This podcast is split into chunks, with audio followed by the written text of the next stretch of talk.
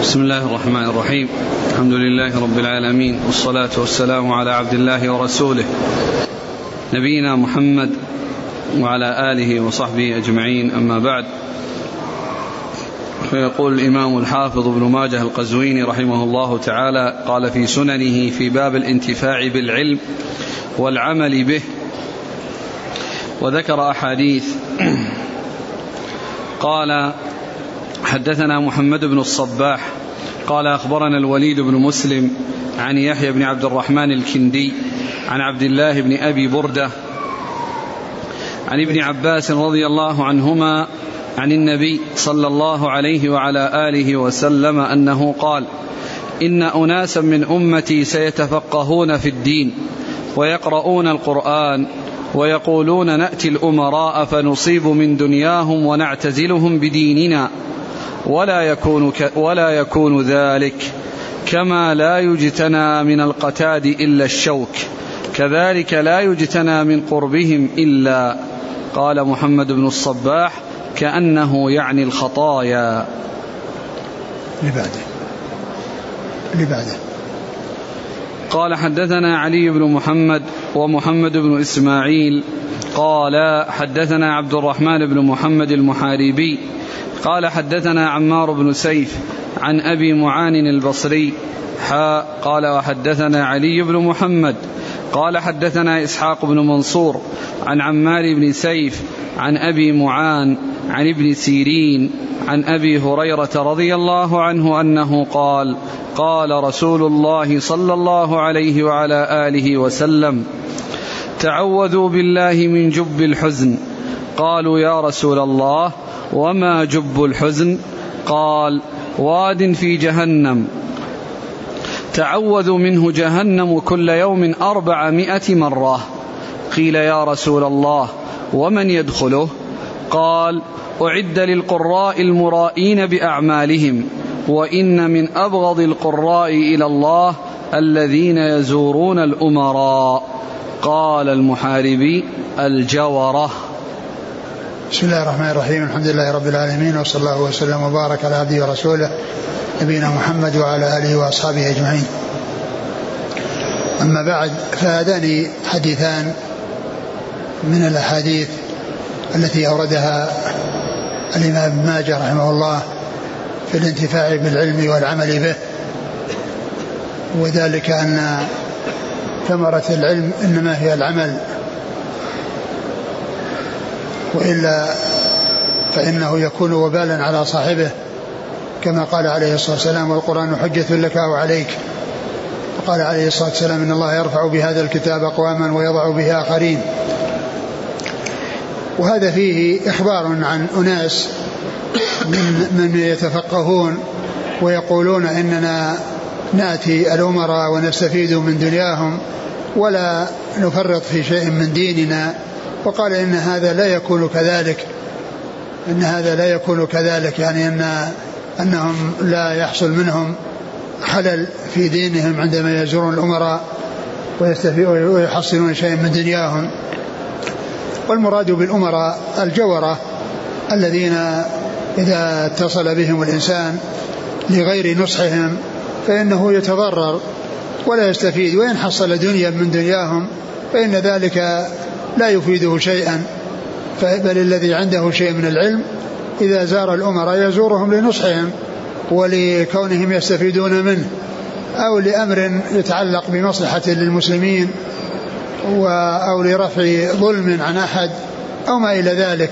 وأما أن يذهب إليهم من أجل أن يحصل دنيا أو من أجل أن يمدحهم بالمديح الكاذب الذي يعني لا يليق فإن هذا لا يعود على صاحبه بالخير ولا يعود على صاحبه بالمنفعة وعلى هذا فإن الفقه في الدين إنما يكون فائدته إذا عمل الإنسان به وإذا وضعه في محله ولم يستخدم آآ آآ هذا العلم للوصول إلى دنيا أو للتقرب إلى أمراء. بحيث يستفيد من من من من, من يستفيد جاها أو يستفيد منزلة أو يستفيد مالا فإن ذلك يعود عليه بالمضرة ولا يعود عليه بالمنفعة. ثم ذكر الحديث الثاني الذي فيه أن أن أن في جهنم يعني واد في جهنم تستعيذ منه جهنم أربعمائة مرة. في اليوم؟ قال في اليوم؟ كل يوم. كل يوم أربعة أربعمائة مرة ويقال له آه، جب الحزن وجب الحزن المقصود به يعني آه، آه، الوادي أو المكان الذي يكون أعد كما جاء في الحديث للقراء الذين وصفهم القراء ليش؟ الذين أعد للقراء المرائين بأعمالهم. القراء المرائين بأعمالهم أي الذين يعملون الأعمال وقد عرفوا الحق وعاملوا به لكنه رياء وسمعة ولم يريدوا التقرب إلى الله عز وجل أعد لهم يعني هذا المكان. والجب هو البئر الغير المطوية بالأصل الجب البئر الغير المطوية. لأن إذا كانت مطوية ما يكون فيها يعني دخلات آه، يعني يختفى فيها. مثل ما حصل ليوسف عليه الصلاة والسلام فإنه يعني آه، ألقي في غيابة الجب وذلك في بئر غير مطوية. لأن البئر المطوية بالحجارة ما يكون فيها أماكن يدخل فيها وإنما يكون الحصى الذي طويت به مسامتا من أسفلها إلى أعلاها إلا إذا كان فيه يعني جبل وبني عليه ووضع عليه ذلك الحصى ثم كان فيه يعني شيء من الدخلات التي يختفي فيها من يريد الاختفاء هذا هو الجب. يقولون الجب هي البئر الغير المطوية وذلك لأن الجب الغير مطوية يكون فيها دخلات يختفي فيها من يريد الاختفاء. بخلاف المطوية فإنها حصى. من أسفل البئر إلى أعلاها. قد طويت بالحصى فكان فكانت مثل الجدار أو جوانبها مثل الجدران. و والمقصود من هذا الحديث لو صح مع أن الحديثين ضعيفان لم يثبت عن رسول الله عليه الصلاة والسلام فإن المقصود من ذلك مكان يكون لأهل المعاصي ولا يكون مكانا آآ يكون آآ يستمر ويبقى لأن ما دام فيه القرى المرائين يعني معنى ذلك أنهم من أهل الإيمان وأهل المعاصي وليسوا من الكفار لأن الكفار لا سبيل لهم إلى الخروج من النار. وأما من مات على الإسلام وعنده نقص وعنده خلل وعنده معاصي فإنه لا بد وأن يخرج من النار ويدخل الجنة.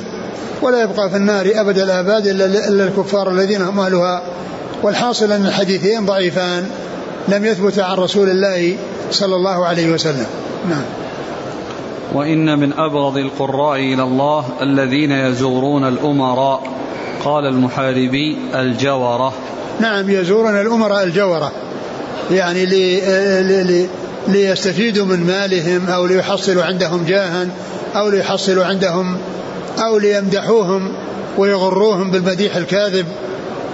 وأما إذا حصلت زيارتهم لنصحهم وإرشادهم إلى الحق وإلى رفع الظلم ودفع الظلم فإذا فإن هذا من النصيحة. والنصيحة تكون للأمراء ولغير الأمراء كما جاء في حديث أبي رقية بن أوس الدوري الداري في صحيح مسلم. الدين النصيحة. قالوا لمن يا رسول الله؟ قال لله ولكتابه ولرسوله ولأئمة المسلمين وعامتهم. ولأئمة المسلمين وعامتهم. وكذلك الحديث الذي مر بنا ثلاث لا يغل عليهن قلب امرئ مسلم. إخلاص العمل لله والنصح لأئمة المسلمين ولزوم جماعتهم. والنصح لأئمة المسلمين ولزوم جماعتهم. فإذا كان الذهاب إليهم لنصحهم ولتخليصهم من الظلم وسلامتهم من الظلم يعني حيث يكون جورة يظلمون ونصحهم حتى يعني يسلم الناس من شرهم ومن ظلمهم فإن هذا محمود وليس بمذموم وإنما المذموم هو الذي يذهب إليهم ليحصل منهم دنيا أو جاه منزلة أو يتنازل عن شيء من دينه بأن يداهنهم فهذا هو المحذور. والذي آه، يتضرر صاحبه ولا ينتفع. نعم. قال حدثنا محمد بن الصباح. هو الجرجرائي وهو؟ صدوق وله أبو داود بن ماجه. نعم. عن الوليد بن مسلم. وهو ثقة أخرج أصحاب الكتب. عن يحيى بن عبد الرحمن الكندي. وهو؟ صدوق وله ابن ماجه. نعم. عن عبد الله بن أبي بردة. عبد الله ولا عبيد الله. عندنا عبد الله النسخة الثانية عبيد الله. ويقول الحافظ يكبر يذكر مصغر ويقال له عبد الله ويقال له عبد الله نعم. آه يعني يكبر ويصغر. آه نعم هو مقبول أخرج له قال عنه هو مقبول ولكنه يعني أنزل من مقبول لأن الحافظ بن حجر في ترجمته ما ذكر شيئا عنه يعني ولا ذكر شيئا فيه ولا ذكر من وثقه وإنما ذكر أن أن أن الضياف المختارة يعني روالة أو خرج له. و ف يعني وصفه بأنه مقبول. يعني هذا وصف أعلى مما يستحقه.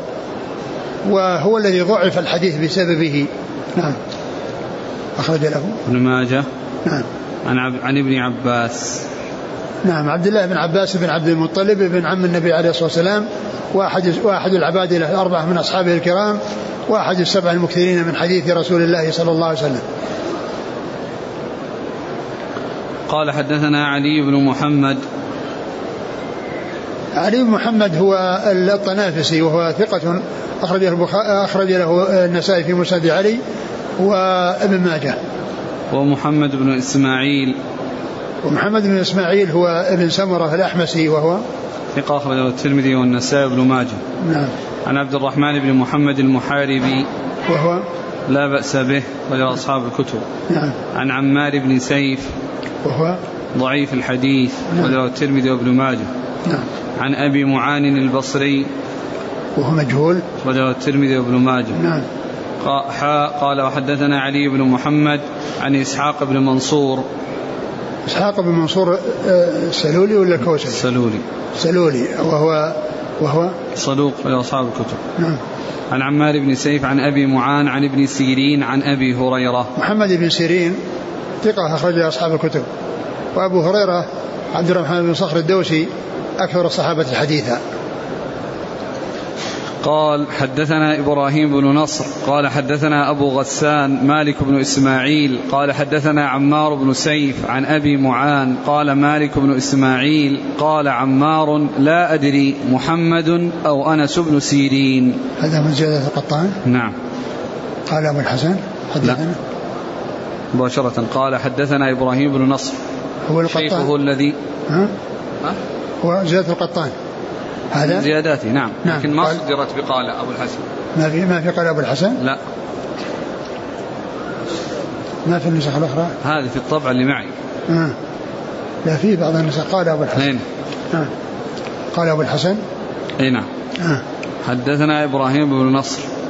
هذا يعني ليس له ترجمة. نعم. نعم. نعم عن أبي غسان مالك بن إسماعيل. وهو؟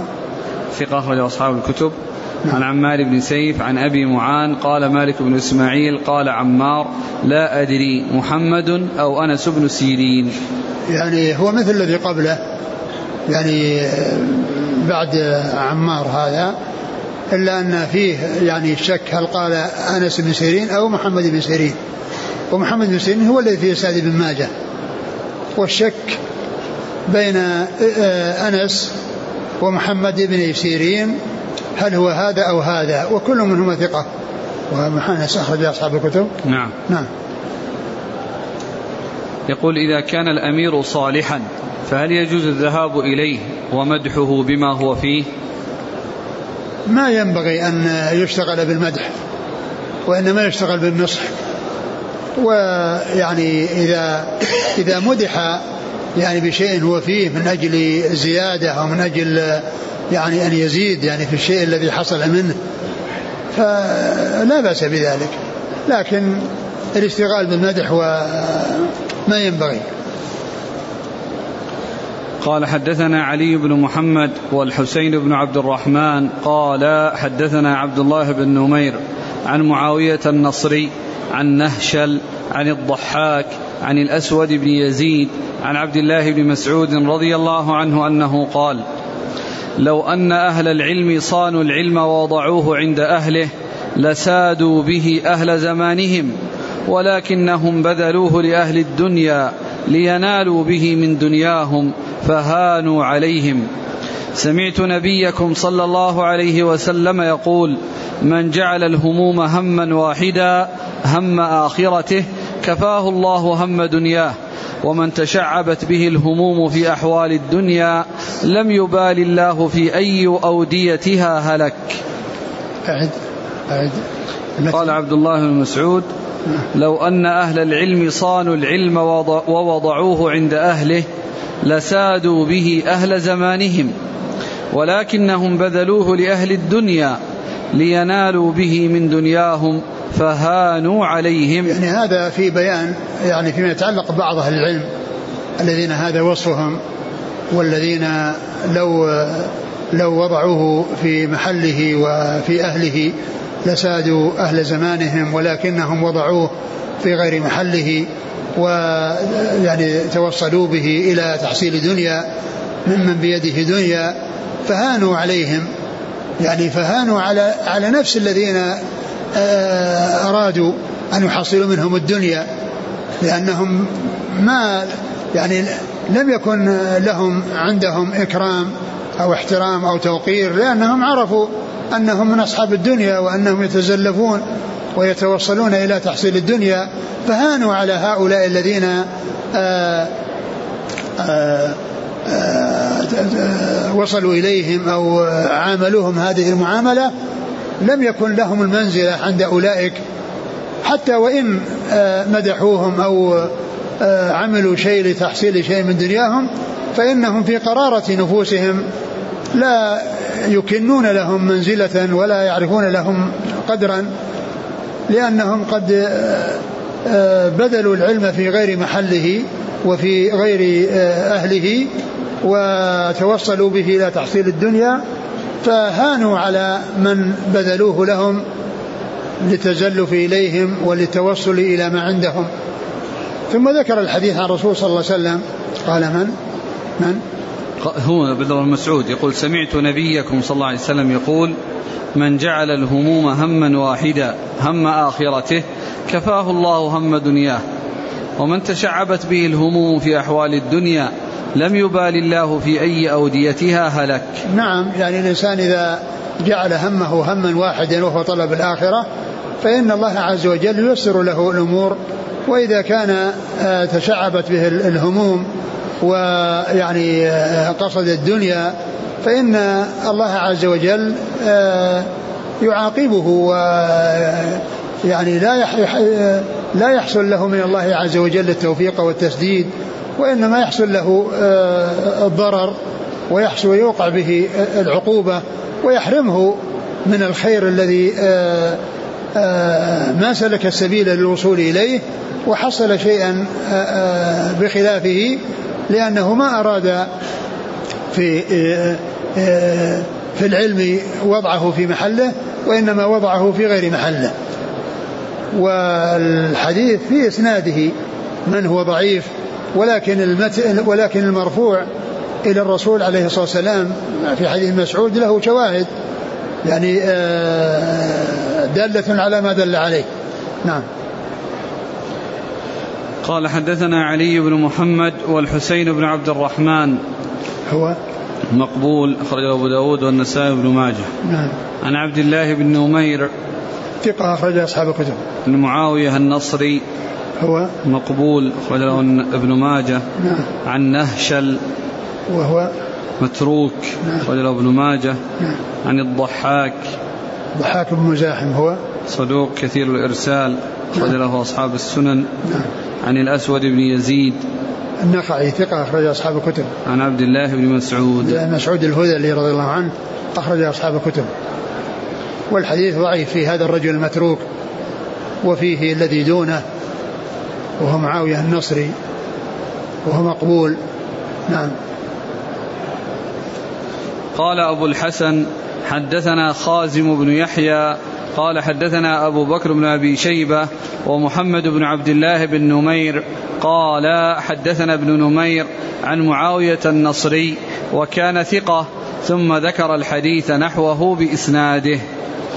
ثم ذكر يعني هذا هذا هذه الطريقة الثانية التي أتى بها أبو الحسن القطان يعني وهي يعني بنحو الطريقة بنحو المتن في الرواية السابقة. وقد تكررت في بعض النسخ بحيث جاءت قبل قبل قبل الزيادة التي زادها أبو الحسن القطان في الحديث السابق. فهي مكررة وموضوعة في غير محلها. ومحلها هو هذا. فإذا جاءت مرتين المرة الأولى وجودها فيها خطأ والمرة الثانية التي هي في هذا المكان هذا هو مكانها الصحيح. يعني هذا الإسناد تكرر مرة قبل الزيادة التي زادها في الحديث السابق ومرة في هذا المكان. ووضعها في ذلك المكان خطأ. وإنما محلها الصحيح هو هذا. فإذا هي تحذف من المكان الأول أو يشار إليها عند المكان الأول بأنها هذا غير محلها وإنما محلها هو في الموضع الثاني الذي أعادها الذي أعيدت فيه في يعني وهو بعد بعد الحديث الذي حديث مسعود هذا الذي مر. نعم الإسناد. قال أبو الحسن حدثنا خازم بن يحيى عن أبي بكر بن أبي شيبة. خازم بن يحيى هذا آه ليس له من رواة ابن ماجه وإنما يعني آه روى له في التفسير. لا. مو بهذه لا ما روى له في التفسير. نعم. عن أبي بكر بن أبي شيبة. هذا ثقة أخرج أصحاب الكتب الترمذي. ومحمد بن عبد الله بن نمير. ثقة أخرج أصحاب الكتب. عن ابن نمير عن معاوية النصري وكان ثقة ثم ذكر الحديث. نعم. قال حدثنا زيد بن أخزم وأبو بدر عباد بن الوليد. قال حدثنا محمد بن عباد الهنائي. قال حدثنا علي بن المبارك الهنائي عن أيوب السختياني عن خالد بن دريك عن ابن عمر رضي الله عنهما أن النبي صلى الله عليه وعلى آله وسلم قال من طلب العلم لغير الله أو أراد به غير الله فليتبوأ مقعده من النار. ثم ذكر هذا الحديث عن النبي عليه الصلاة والسلام أنه قال من طلب العلم لغير الله أو أو أراد به غير الله. أو أراد به غير الله فليتبوأ مقعده من النار لأنه لم يرد الله عز وجل بما بما قصد وبما أراد وإنما أراد به غير الله. إما أن يريد الدنيا فقط أو يريد يعني أمرا آخر من الأمور السيئة التي بها يعني آآ آآ آآ يكون فيها يعني محذور بأن آه، يكون عنده مقاصد سيئة بأن يتكلم في الحديث يعني آه، على وجه يعني مبتدع أو على وجه لا يوافق سنة الرسول عليه الصلاة والسلام ما أراد بذلك وجه الله وما أراد الدار الآخرة سواء أراد دنيا أو غير دنيا فإن فإنه كما قال عليه الصلاة والسلام ليتبوأ مقعده من النار. لكن الحديث فيه انقطاع بين خالد بن دريك وبين ابن عمر. وبين ابن عمر رضي الله تعالى عنهما. نعم. قال حدثنا زيد بن أخزم. هو ثقة أخرج له. البخاري وأصحاب السنن. نعم. وأبو بدر عباد بن الوليد. هو؟ الصدوق أخرج له ابن ماجه. نعم. عن محمد بن عباد الهنائي. نعم وهو؟ صدوق أخرج له الترمذي والنسائي وابن ماجه. نعم. عن علي بن المبارك الهنائي. وهو؟ ثقة أخرج أصحاب الكتب. نعم. عن أيوب السختياني. ثقة أخرج أصحاب الكتب. عن خالد بن دريك. وهو ثقة أخرج له. أصحاب السنن. نعم. عن ابن عمر. نعم. قال حدثنا أحمد بن عاصم العباداني. قال حدثنا بشير بن ميمون. قال سمعت أشعث بن سوار عن ابن سيرين عن حذيفة رضي الله عنه أنه قال سمعت رسول الله صلى الله عليه وعلى آله وسلم يقول لا تعلموا العلم لتباهوا به العلماء أو لتماروا به السفهاء أو لتصرفوا وجوه الناس إليكم فمن فعل ذلك فهو في النار. ثم ذكر هذا الحديث عن النبي عليه الصلاة والسلام لا تعلموا العلم لتماروا به السفهاء ولا تباه به العلماء. ولا تصرفوا وجوه الناس إليكم فمن فعل ذلك فالنار. يعني فهو من أهل النار أو مستحق للنار. ومعلوم أن هذا من حديث الوعيد وأن المقصود من ذلك أنه مستحق للوعيد وأمره إلى الله عز وجل إن شاء عفى عنه وإن شاء عذبه وإن عذبه فإنه لا يخلده في النار ويبقيه فيها أبد الآباد. فلا بد أن يخرج منها ويدخل الجنة لأن من مات على التوحيد هذا هو شأنه وهذا مذهب أهل السنة والجماعة فيه وهذا هو الذي دلت عليه النصوص. والحديث متنه صحيح وقد سبق أن مر يعني آه، في الدروس السابقة وأما من حيث الإسناد فإنه ضعيف ولكن المتن صحيح. نعم. قال حدثنا أحمد بن عاصم العباداني. هو؟ صدوق رجله ابن ماجه. نعم. عن بشير بن ميمون. وهو متروك المتهم نعم. رجله ابن ماجه. نعم. عن أشعث بن سوار. وهو ضعيف أخرج له. البخاري في المفرد ومسلم والترمذي والنسائي وابن ماجه. نعم. عن ابن سيرين عن حذيفة. حذيفة بن اليمان رضي الله عنهما أخرج له أصحاب كتب الستة. قال حدثنا محمد بن إسماعيل قال أخبرنا وهب بن إسماعيل الأسدي قال حدثنا عبد الله بن سعيد المقبوري عن جده عن أبي هريرة رضي الله عنه أنه قال قال رسول الله صلى الله عليه وعلى آله وسلم من تعلم العلم ليباهي به العلماء ويماري به السفهاء ويصرف به وجوه الناس إليه أدخله الله جهنم. وهذا مثل الذي قبله وفي اسناده ضعف لكن المتن صحيح لأنه جاء من طرق متعددة منها ما هنا ومنها ما تقدم. نعم. قال حدثنا محمد بن إسماعيل عن وهب بن إسماعيل الأسدي. هو؟ صدوق البخاري المفرد وابن ماجه. نعم. عن عبد الله بن سعيد المقبوري. وهو ضعيف. متروك. متروك. وله. الترمذي وابن ماجه. نعم. عن جده. جده آه، أبو سعيد آه، المقبري ثقة أخرج أصحاب الكتب. عن أبي هريرة. نعم. قال رحمه الله تعالى باب من سئل عن علم فكتمه. قال حدثنا أبو بكر بن أبي شيبة. قال حدثنا أسود بن عامر قال حدثنا عمارة بن زاذان قال حدثنا علي بن الحكم قال حدثنا عطاء عن أبي هريرة رضي الله عنه عن النبي صلى الله عليه وعلى آله وسلم أنه قال ما من رجل يحفظ علما فيكتمه إلا أتي به يوم القيامة ملجما بلجام من النار. ما من؟ رجل يحفظ علما فيكتمه إلا أتي به يوم القيامة ملجما بلجام من النار. ثم ذكر باب من سئل علما فكتمه يعني أن هذا لا يسوق ولا يجوز وإنما على من سئل عن شيء يعلمه فإنه يجيب. يعني على ذلك لا سيما إذا كان هذا المسؤول عنه من الأمور المتعلقة ب بالدين التي لا بد منها مثل أن يسأل عن صفة الصلاة أو عن صفة يكون حديث عهد بالإسلام ويكون يعني عنده جهل بأحكام الصلاة والأشياء الضرورية التي لا بد منها. وأما فيما يتعلق بنوافل العلم والأشياء التي يعني العلم فيها فرض كفاية فليس مثل الأمور التي لا بد منها.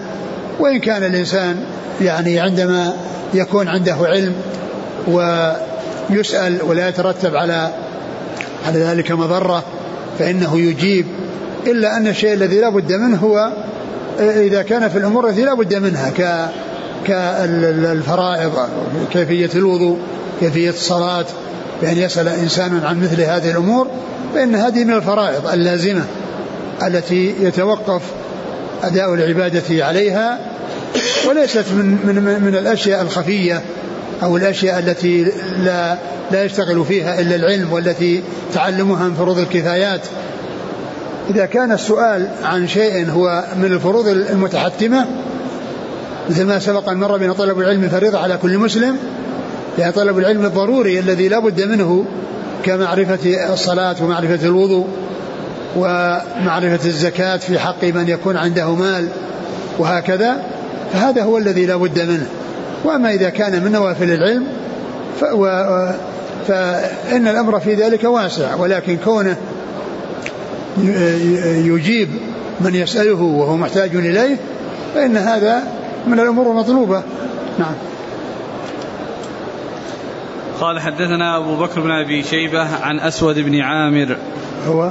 ثقة أخرجه أصحاب الكتب. نعم. عن عمارة بن زاذان. وهو؟ صدوق كثير الخطأ. نعم. رجل البخاري في المفرد وأبو داود والترمذي وابن ماجه. نعم. عن علي بن الحكم. وهو؟ ثقة رجل البخاري وأصحاب السنن. نعم. عن عطاء عن أبي هريرة. عطاء بن أبي رباح. ثقة أخرج أصحاب الكتب. نعم. قال أبو الحسن أي القطان. وحدثنا أبو حاتم. قال حدثنا أبو الوليد. قال حدثنا عمارة بن زاذان فذكر نحوه. ثم ذكر هذا الطريق لأبي الحسن وهي من زياداته عن شيخه أبي حاتم الرازي محمد بن إدريس وهو ثقة أخرج له البخاري. وأبو داود والنسائي وابن ماجه في التفسير. ما جاء في التفسير يعني لم يروي له في السنن. عن أبي الوليد وهو هشام بن عبد الملك الطيالسي ثقة أخرج أصحاب الكتب. قال أبو الحسن أيضا وحدثنا إبراهيم بن نصر قال حدثنا أبو نعيم قال حدثنا عمارة بن زاذان فذكر نحوه. وهذا مثل الذي قبله إلا أن فيه أبو نعيم وهو الفضل بن دكين وهو ثقة. أخرج له أصحاب الكتب. قال حدثنا أبو مروان العثماني محمد بن عثمان قال حدثنا إبراهيم بن سعد عن الزهري عن عبد الرحمن بن هرمز الأعرج أنه سمع أبا هريرة رضي الله عنه يقول والله لولا آيتان في كتاب الله تعالى ما حدثت عنه يعني عن النبي صلى الله عليه وسلم شيئا أبدا. لولا قول الله عز وجل إن الذين يكتمون ما أنزل الله من الكتاب إلى آخر الآيتين. ثم ذكر حديث أبي هريرة وأنه آه، آه، لولا آيتان من كتاب الله ما حدث عن رسول الله عليه الصلاة والسلام ولكن هذا الوعيد في حق من يكتم الحق ويكتم العلم. فلذلك فإنه يحدث عن رسول الله عليه الصلاة والسلام.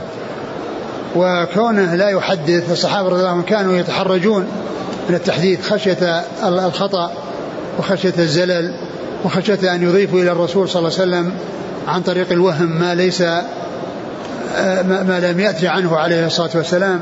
وقد سبق أن مر بنا بعض الأحاديث يعني في هذا المعنى الذي تدل على آه، تورعهم وعلى آه، آه، أنهم إنما يتحدث إنما يحدثون عن رسول الله عليه الصلاة والسلام ولا يكثرون الرواية عنه ولا يحرصون على الإكثار من خشية الزلل وخشية الخطأ.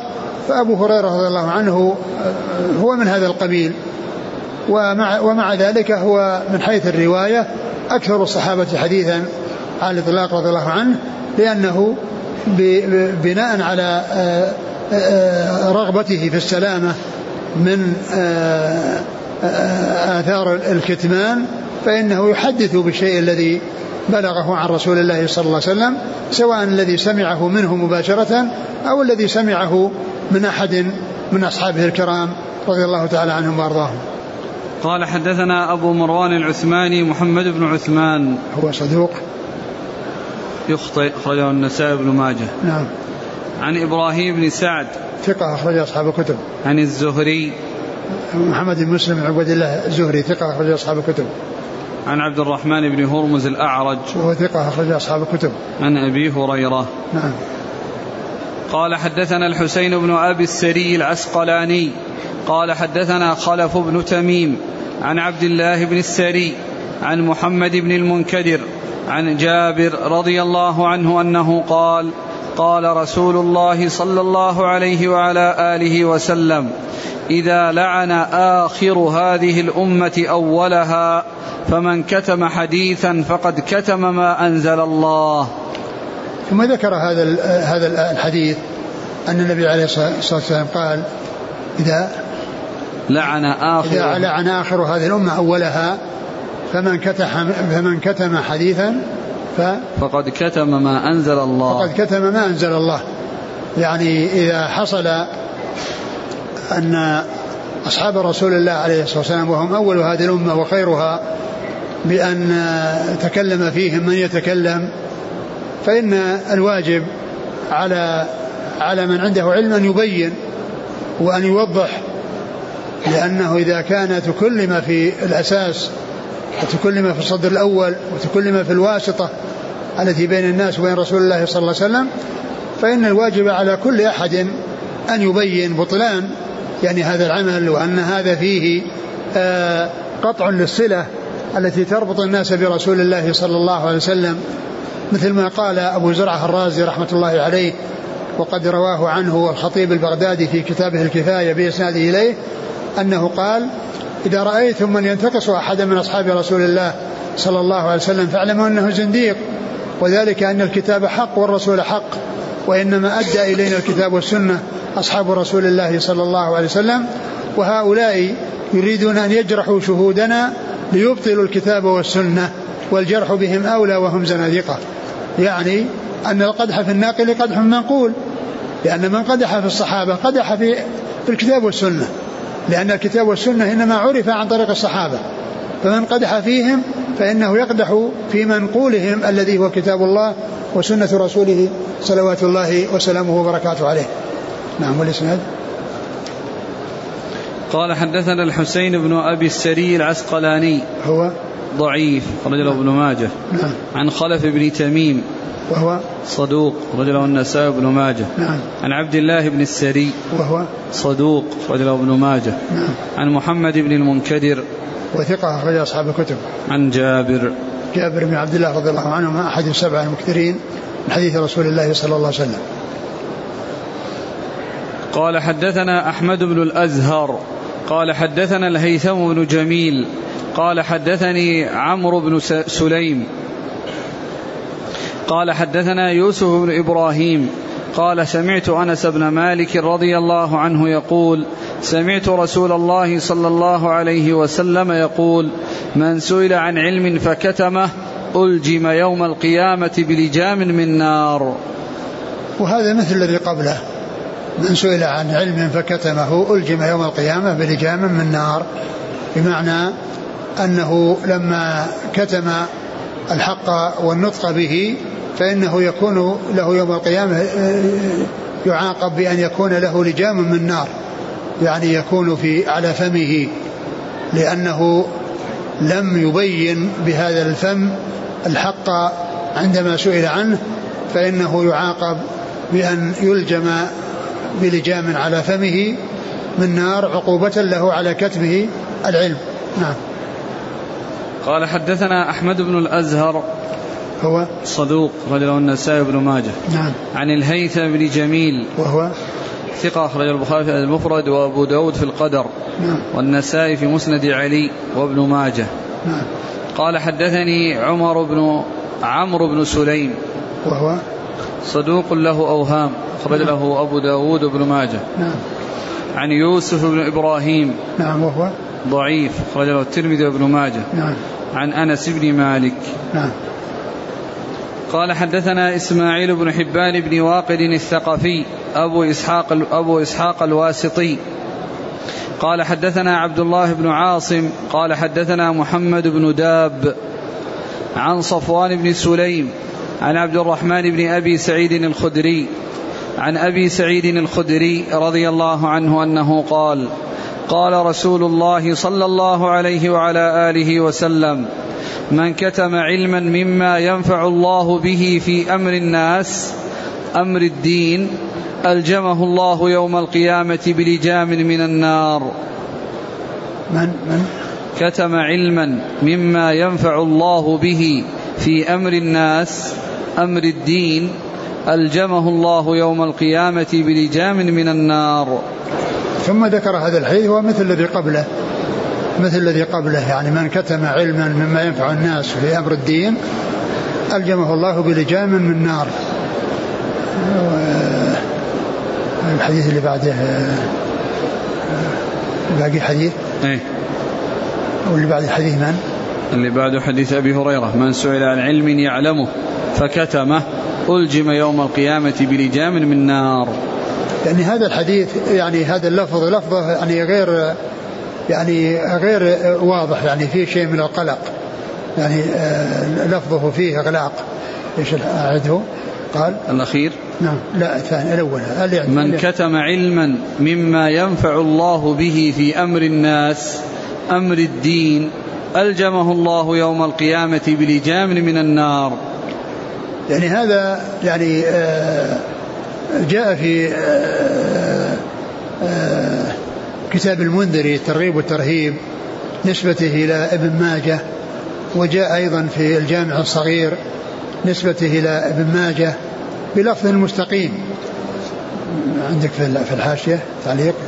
كذا في الأصول المخطوطة والمطبوعة في أمر الناس أمر الدين ووقع في المخطوط من مصباح الزجاجة في أمر الناس في الدين. كل هذا أيضا في قلم. وهو في الجامع نعم بعده.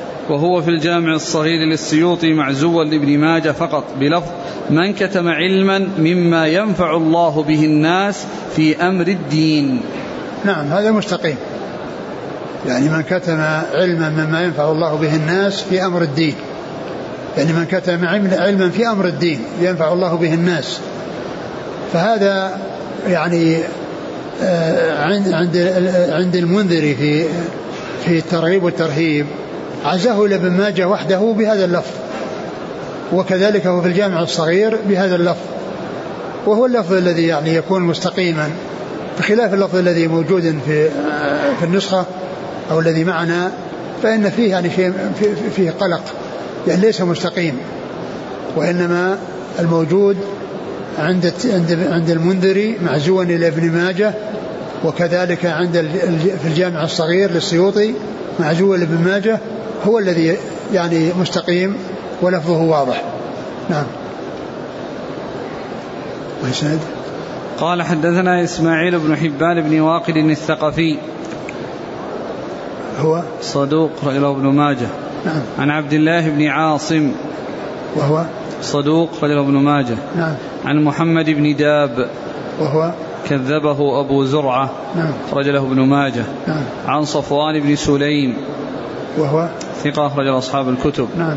عن عبد الرحمن بن أبي سعيد الخدري. وهو ثقة أخرج أصحاب الكتب. البخاري تعليقا ومسلم وأصحاب السنن. نعم. عن أبي سعيد الخدري. نعم. هل الكتمان يستلزم معه نية نية غير صالحة؟ لا قد يكون يعني فيه نية صالحة وقد يكون نية غير صالحة. لأن قد يكون يعني يكتم شيء الناس ليسوا بحاجة. مثل ما مثل ما ذكره أبو هريرة في صحيح البخاري أنه يعني فيه وعاءان وأحدهما لو لو لو بثه لحصل له كذا وكذا.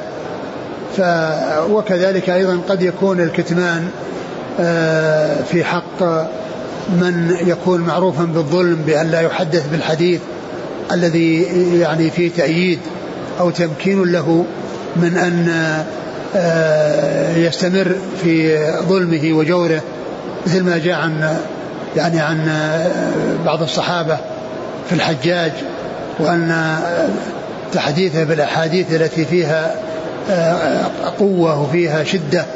على المعذبين مثل العرنيين لأن ذلك يجر على يعني آه، أخذ الناس وعلى ظلمهم. فإذا كان الكتمان في مصلحة فإنه لا بأس به.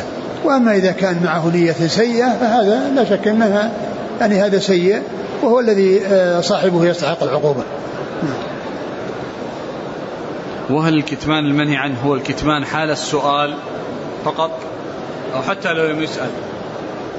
إذا كان هناك محتاج إليه وتعين عليه فإنه لا يجوز له. يجب عليه أن يعلم كأن يكون في أناس لا يعرفون أمور دينهم ولا يعرفون كيف يصلون وهو يشاهدهم ويعرف أن أن أن أنهم آآ آآ بصلاتهم لا تصح صلاتهم فإنه يجب عليه أن يعلمهم لأن هذا من من من حق المسلم على المسلم وكونه يعلم جاهلا لا يعرف يصلي. هذا من الأمور الواجبة والأمور المتعينة. وأما الأشياء التي هي يعني فضلة أو أنها أشياء في كفاية ما يلزم أن كل من طلب منه أن يعلمه أن يجلس له أن يجلس له. نعم.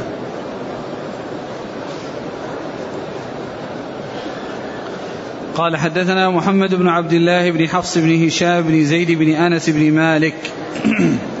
قال حدثنا أبو إبراهيم إسماعيل بن إبراهيم الكرابيسي عن ابن عون عن محمد بن سيرين عن أبي هريرة رضي الله عنه أنه قال قال رسول الله صلى الله عليه وعلى آله وسلم من سئل عن علم يعلمه فكتمه ألجم يوم القيامة بلجام من نار.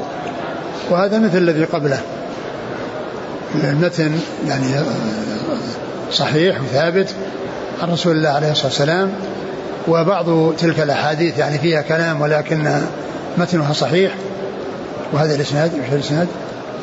قال حدثنا محمد بن عبد الله بن حفص بن هشام بن زيد بن أنس بن مالك يعني هذا نسب ابن ماجه شيخه يعني وأطال في نسبه حتى وصل إلى أنس بن مالك.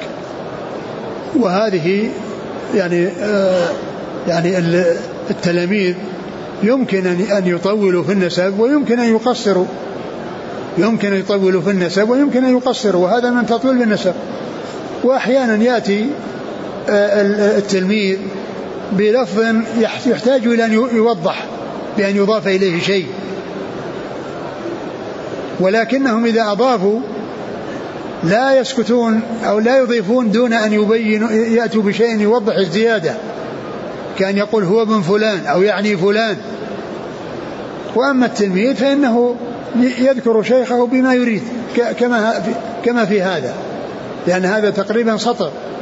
كله يعني ذكر نسب شيخه ابن ماجه.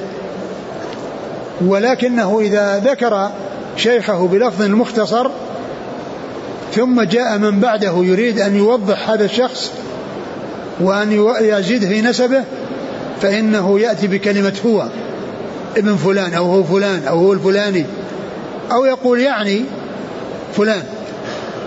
كما يوجد في بعض الأسانيد يقال هو ابن فلان أو يعني فلانا. هذا من من من من الدقة التي سار عليها المحدثون وهي أنهم إذا أرادوا أن يوضحوا اسما يحتاج إلى توضيح والتلميذ لم يأتي بهذا التوضيح فإنهم يضيفون إليه ولكن يقولون هو حتى يعلم أن هذا ليس كلام التلميذ ليس كلام التلميذ. نعم هذا إيش؟ هو؟ صدوق رجل ابن ماجه. نعم. عن إبر... عن أبي إبراهيم إسماعيل بن إبراهيم الكرابيسي. وهو؟ لين الحديث نعم. رجل ابن ماجه. نعم. عن ابن عون وعبد الله بن عون ثقة أخرج أصحاب الكتب. عن محمد بن سيرين عن نعم. أبي هريرة رضي الله عنه. وسبق أن مر في رقم 233 233 الذي عن أبي بكرة رضي الله عنه ذكرت أن الرجل الذي أبهم في أعلى الإسناد أنه في مسند الإمام أحمد مسمى وذكرت رقم الحديث. إيش رقم الحديث؟ رقم الحديث. نعم رقم الحديث. ما هو عندكم؟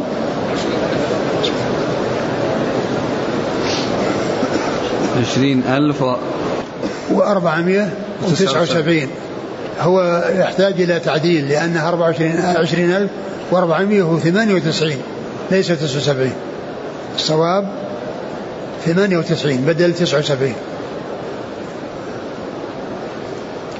وبانتهاء كتاب أو بانتهاء مقدمة التي عملها ابن ماجه رحمه الله في كتابه أو في أول كتابه والبالغة 266 حديثا بانتهاء هذه المقدمة نتوقف عن التدريس ونباشر إن شاء الله من يوم غد الكلام في الحج والزيارة.